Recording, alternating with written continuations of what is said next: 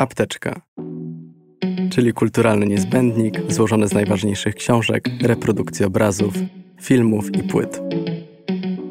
Moich rozmówców i rozmówczynie pytam o to, co przynosi im spokój, napędza do działania i ratuje w momentach kryzysu. Nazywam się Mateusz Ressler i zapraszam do słuchania cyklu. Magda Heidel. Związek na życie. Czyta Agata Turkot. Podstawowy składnik mojej apteczki to cisza. Jest nieodłącznym elementem mojej codzienności. Dzięki niej mogę skupić się na życiu i na pracy. Jej rewersem, równie mi bliskim, jest muzyka. Słucham jej dużo, zawsze w określonym celu i z uwagą, po to, by coś zrozumieć, uporządkować lub uspokoić myśli.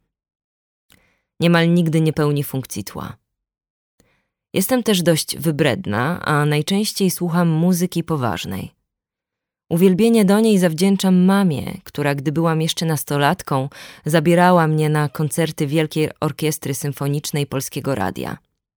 Działającej obecnie jako Narodowa Orkiestra Symfoniczna Polskiego Radia, w skrócie NOSPR, w Katowicach. Do tej pory pamiętam, jakie przejęcie budził we mnie dźwięk strojenia instrumentów przed rozpoczęciem koncertu.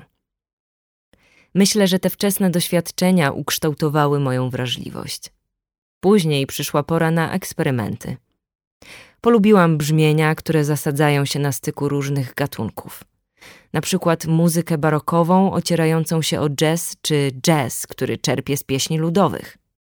Może podświadomie stało się tak, dlatego że takie aranżacje z pogranicza przypominają mi sztukę mieszania, za jaką uznaję tłumaczenie literatury. Praca tłumaczki umożliwia mi kontakt z wieloma kapitalnymi książkami i obfituje w coraz to nowe odkrycia. Więc mimo upływu lat zapewnia mi nieprzerwanie intelektualną satysfakcję.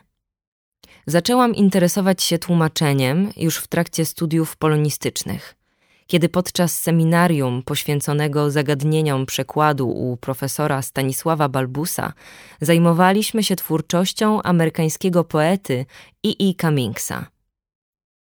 Wiele zawdzięczam też profesor Elżbiecie Tabakowskiej i kursowi językoznawstwa kognitywnego, badającego zależności między tym, co mówimy i tym, jak myślimy.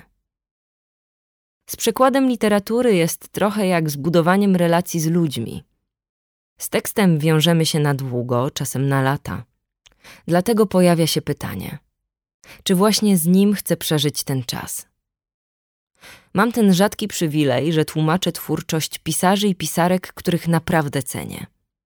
Najbardziej fascynują mnie twórcy, którzy język traktują jak materię dzieła sztuki, a utwór nie jest dla nich tylko nośnikiem opowieści, ale daje możliwość przyjrzenia się również temu, co nieuchwytne na poziomie fabularnym. Dlatego sporo tłumaczę pisarek modernistycznych. Na przykład Virginia Woolf, Catherine Mansfield czy Angela Carter. Szczególnie relację z Woolf uznaję za prawdziwie formującą. Dostałam propozycję przykładu jej Chwil Wolności, dziennika 1915-1941, będąc jeszcze młodą i niezbyt doświadczoną tłumaczką.